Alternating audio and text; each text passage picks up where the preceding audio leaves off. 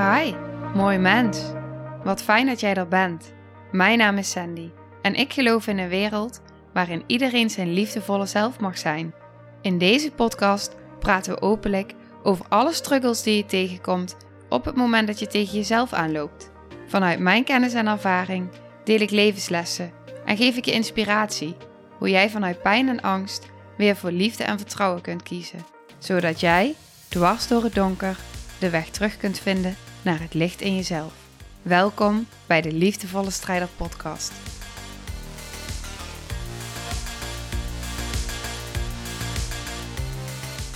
Dag lieve jij. Ik weet niet of je het interessant vindt, maar als je benieuwd bent naar hoe trauma werkt in je brein en in het zenuwstelsel, dan is dit de juiste aflevering. Ik heb namelijk me daar best wel al heel erg lang in verdiept, omdat ik het super interessant vind hoe dat, dat nu precies werkt in het brein. Alleen ik wist nooit goed hoe ik het moest uitleggen.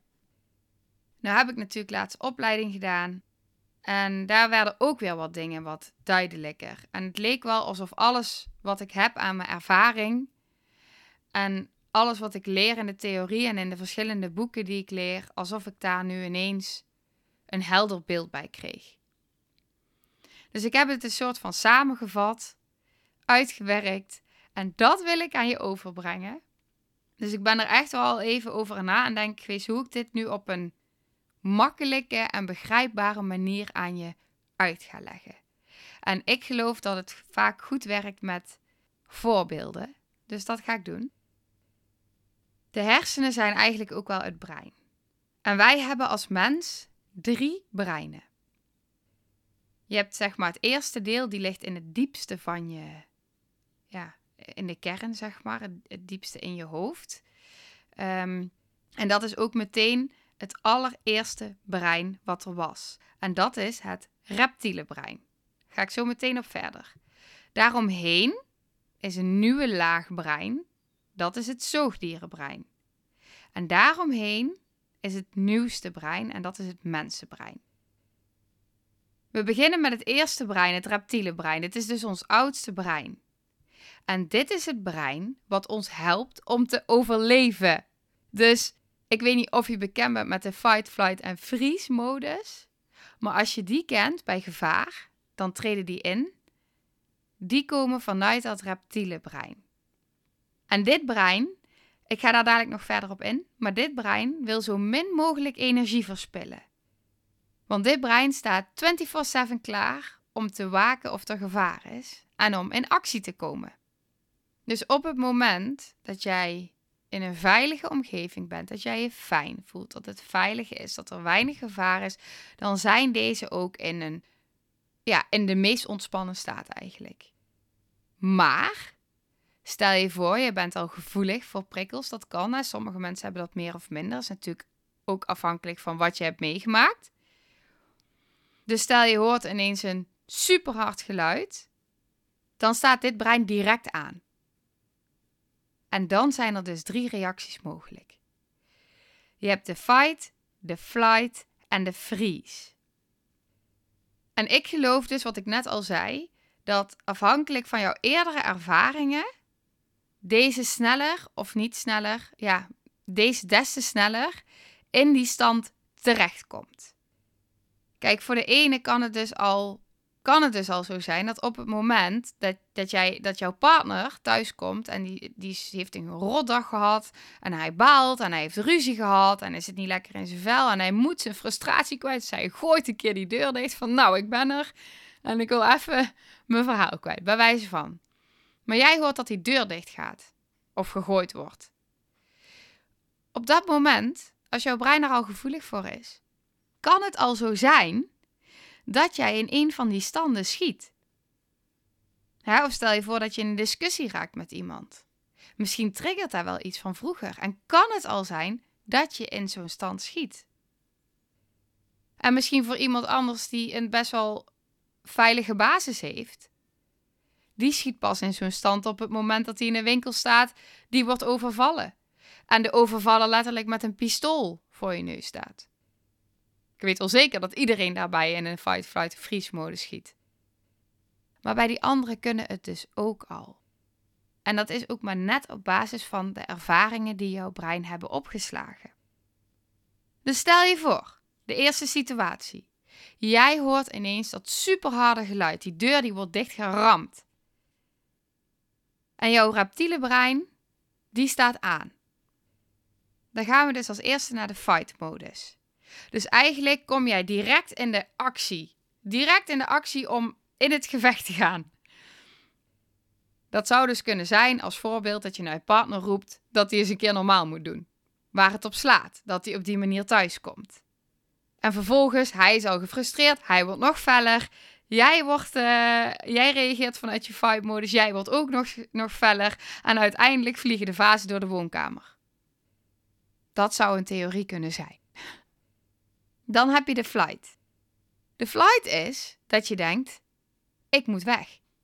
Ik moet hier nu weg. Dit is onveilig voor mij. Er is gevaar. Het is een, een, een gevaarlijke situatie. Dus je pakt je tas, je autosleutels en je rent gewoon zo je partner voorbij. En je rent met hartkloppingen de deur uit. Letterlijk wegrennen van het gevaar. En nu is dit een best wel klein voorbeeld waarbij je waarschijnlijk niet zo heftig zou reageren. Maar het kan dus wel en daarom wil ik hem wel benoemen. Want jaren geleden zou ik letterlijk van een slaande deur in die stand terecht zou kunnen zijn gekomen. En bij mij werkte de standen zo. Ik zal zo doorgaan met de volgende, de vries. Maar ik raakte heel vaak in de vries. Heel vaak.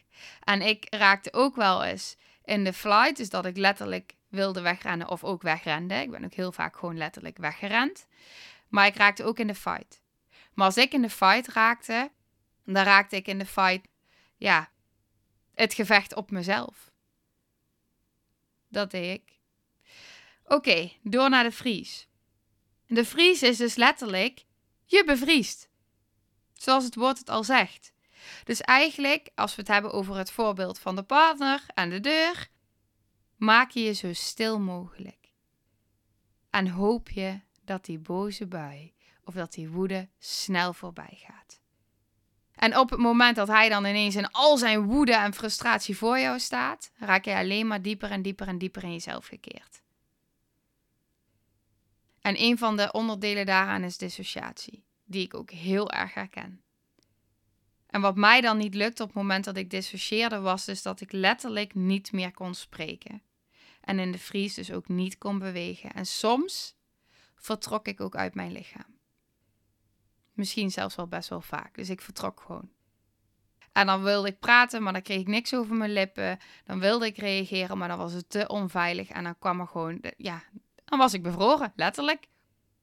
En ik heb ook wel eens meegemaakt dat ik mezelf van bovenaf zag zitten. Dus dat ik echt uit mijn lichaam was.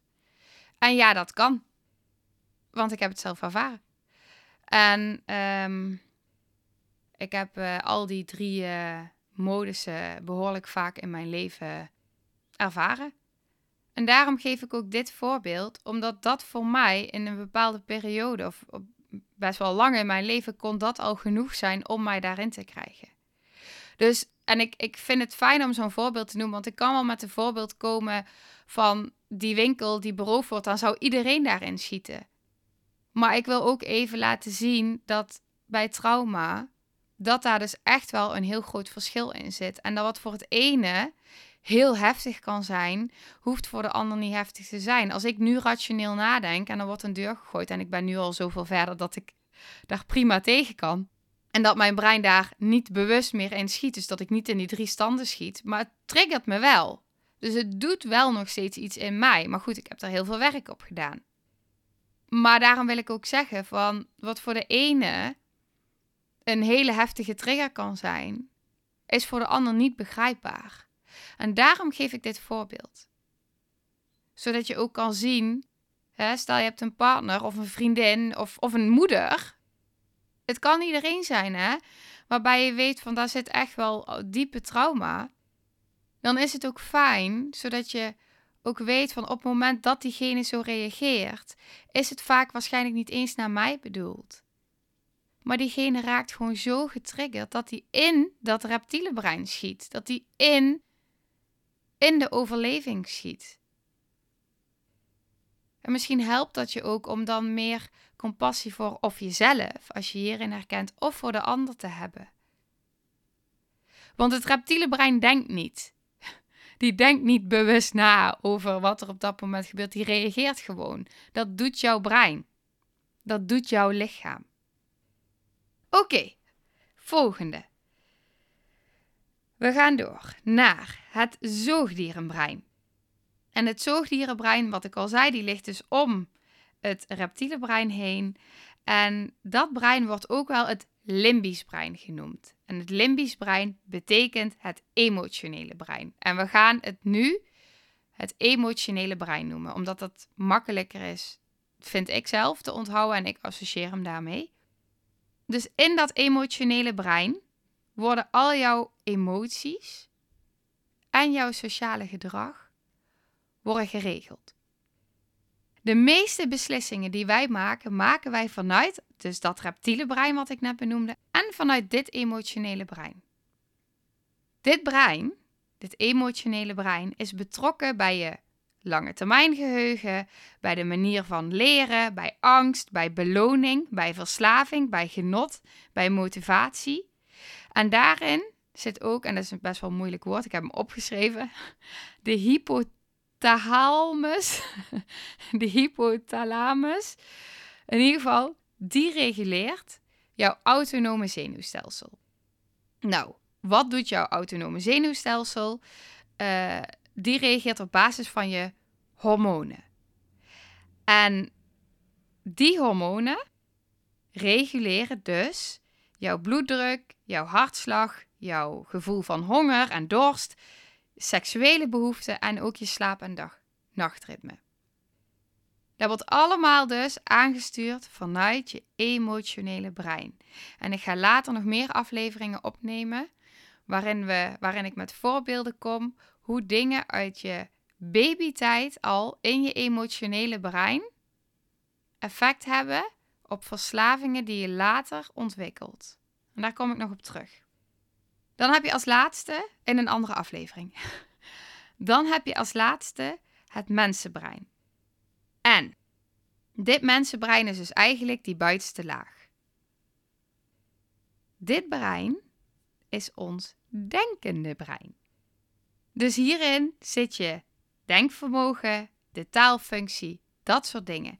En meestal, eigenlijk in bijna alle gevallen, nemen wij besluiten. Luister goed.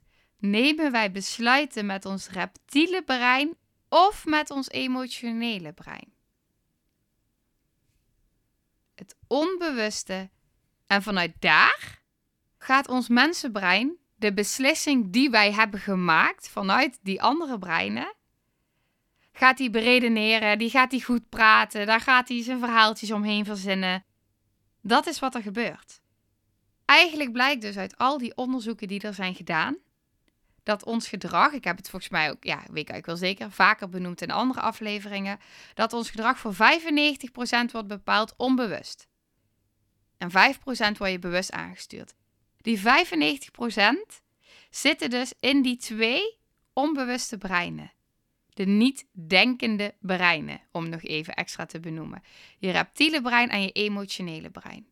En waarom vind ik dit belangrijk om te benoemen? Omdat het zoveel inzicht geeft in hoe jouw brein werkt en hoe jouw onderbewuste werkt. En hoe wij keuzes maken. Dus dat je daar misschien ook wat compassie voor jezelf in kunt gaan vinden en voor de ander. Want eigenlijk zegt het al genoeg. Het feit dat je 95% wat er gebeurt, gebeurt in niet denkende breinen. Dan is het eigenlijk toch logisch dat we heel veel dingen niet onder woorden kunnen brengen. Dat we heel veel voelen en ervaren en dat dat zoveel met ons doet dat het logisch is dat we niet alles met woorden kunnen begrijpen of kunnen uitleggen. Want die taalfunctie zit pas in dat mensenbrein, in die 5%. ik wil nog doorgaan met het zenuwstelsel. Even kort nog. Want daar heb ik ook in zitten zoeken van hoe zit dat nu allemaal precies? Want eigenlijk zijn dus je hersenen in zijn totaliteit een orgaan die de taak hebben om ons aan te sturen, om te waarnemen, om te controleren en om informatie te verwerken. Iedereen weet dat de hersenen in de schedel zitten, in je hoofd. Maar schijnbaar, schijnbaar, maar samen met het ruggenmerg vormen ze dus je centrale zenuwstelsel. Waarom is dat belangrijk?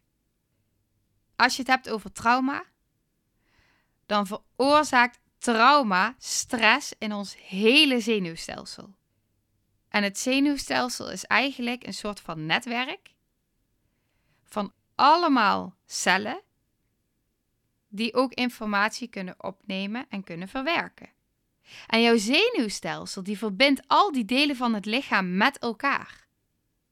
Dus via dit netwerk wordt de informatie van de hersenen naar alle delen in het lichaam gestuurd en omgekeerd. En ik kom dadelijk ook nog even bij de nervus vagus, want daar heb ik zelf echt heel veel van geleerd en um, ja, me in verdiept, omdat bij mij mijn organen niet meer goed aangestuurd werden en soms nog worden. Want jouw zenuwstelsel is verantwoordelijk voor het beheersen van je hartslag, van je ademhaling, van die organen. En eigenlijk zit er in je zenuwstelsel ook een soort van geheugen op het gebied van stress. Dus op het moment dat jij trauma ervaart of meerdere trauma's ervaart, wat er eigenlijk wil, is jouw lichaam wil het eigenlijk loslaten. Wat je ziet bij dieren, dieren die gaan schudden, die wapperen het van zich af, heb ik ook wel eens in de aflevering benoemd, en die laten het los. Wij mensen, ons lichaam wil dat ook. Ons lichaam wil het eruit schudden of trillen. Het eruit schreeuwen. Die emotie moet los of huilen of het, het moet geheeld, gezien, het moet doorleefd worden. Die emotie duurt maar heel kort. Maar wat nou als je dat niet doet? Wat wij dus vaak mensen doen. We gaan niet ineens vol overgave huilen. We kroppen het op. We gaan niet schreeuwen om het eruit te laten. nee, we kroppen het op. We houden ons stil. We slikken het weg. Gisteren nog toevallig zat ik met iemand in gesprek. En ze vertelde over dat ze vroeger heel veel weg ehm, ja, niet zei. En ze ging letterlijk met haar hand naar haar keel toe. Letterlijk legde ze haar hand op de keel. Ik zei, zie je wat je doet? Je letterlijk, wijs je al de plek aan. Je lichaam weet het. Het is niet losgelaten.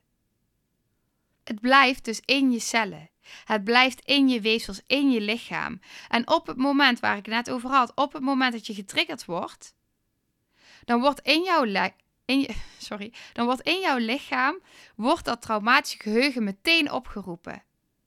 Er komen stresshormonen vrij en jouw hele lichaam, jouw zenuwstelsel, jouw brein, alles reageert direct. Dat is wat er gebeurt. Dus waarom is die nervus vagus zo belangrijk? De nervus vagus is de allergrootste hersenzenuw. En die stuurt alle organen aan. En dat is dus ook degene die ervoor zorgt dat ik heel vaak moet overgeven. Dat ik heel vaak mijn eten uitbraak. Omdat er schijnbaar letterlijk iets is wat ik niet kan verteren. En ik ben daar nog niet, ik ben onderweg. Het leven is een reis. Alles op zijn tijd, stap voor stap voor stap. Het gaat beter nu, maar ook dat gaat met ups en downs. Het is één geheel, het is één systeem. Dus als je teruggaat over die fight, flight en freeze, wil ik nog heel even kort. Ik kreeg laatst bij mijn uh, fysiotherapeut, ik heb een cognitief fysiotherapeut, en dat was al heel tof. Die gaf mij een blaadje waar die fight, flight en freeze op stonden uitgelegd. En toen dacht ik, hé, dat is precies waar ik me in aan het verdiepen ben en wat ik zo interessant vind. En die heb ik hier nou even bij me liggen. En die wil ik nog heel even benoemen. Even nog kort die fight, flight, freeze iets in toelichten.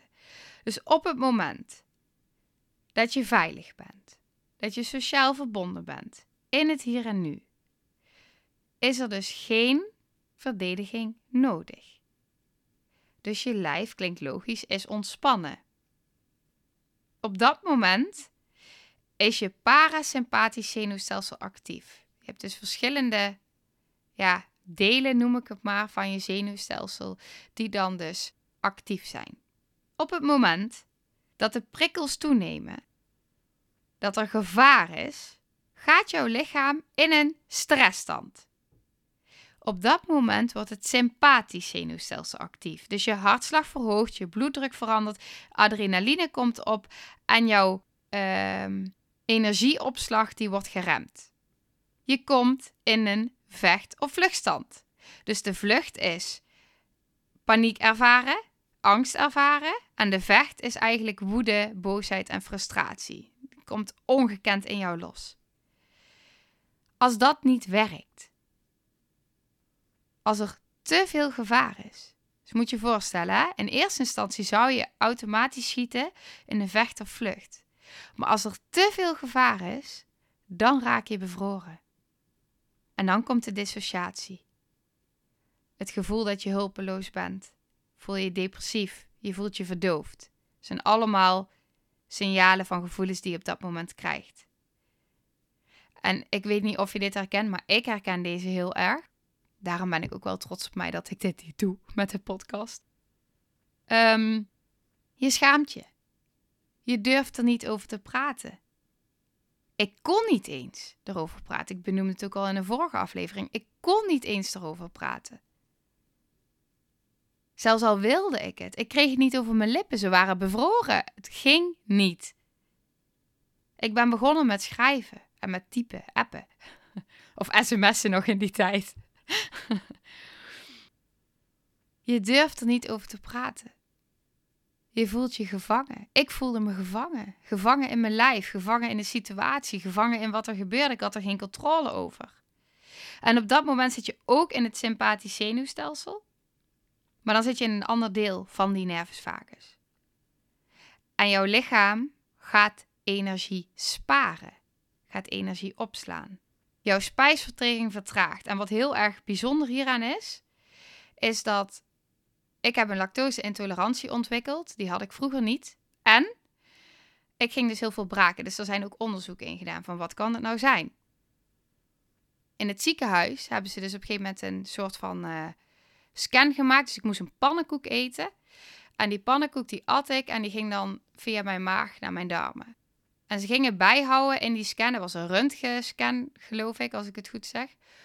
En die pannenkoek die kreeg een kleur. Dus die, die, straal, die had een straling. Ik weet ook niet precies hoe het werkt. Maar in ieder geval, daar kwam uit dat mijn maagfunctie extreem traag werkt.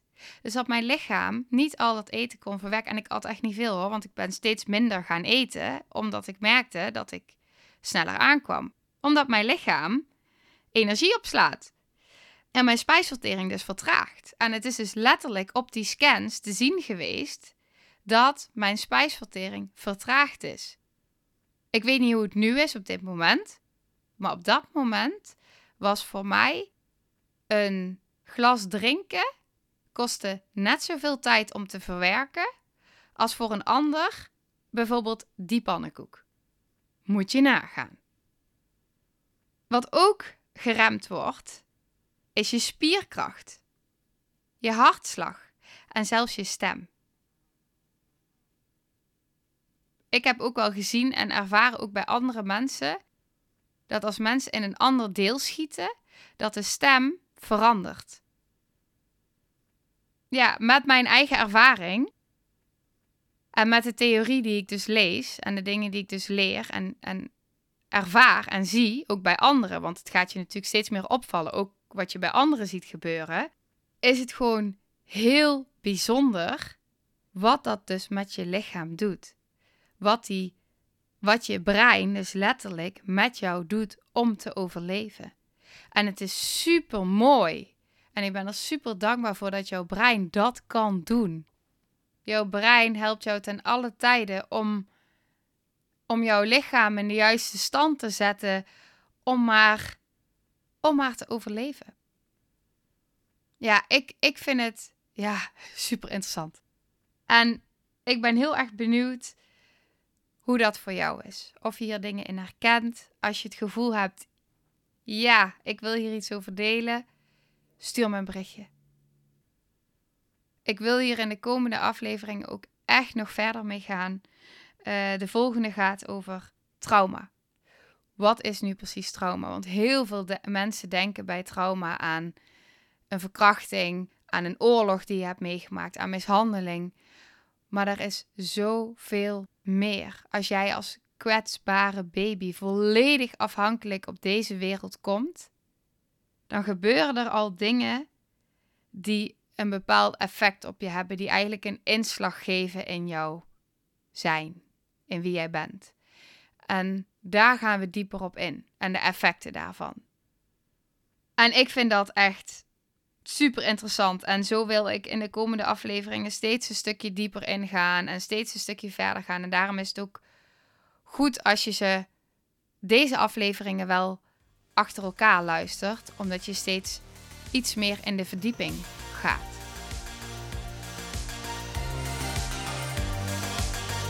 Nou, lieve mensen, ontzettend bedankt voor het luisteren.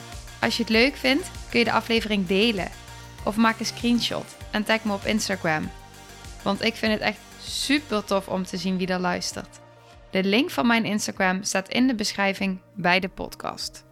En wil je blijvend geïnspireerd worden? Klik dan op abonneer of volgen in de podcast-app waarmee je luistert. Dat zouden ik en alle toekomstige luisteraars enorm waarderen. Want dat zorgt er namelijk voor dat de podcast beter gevonden wordt. Nogmaals, dankjewel voor het luisteren en heel graag tot de volgende aflevering.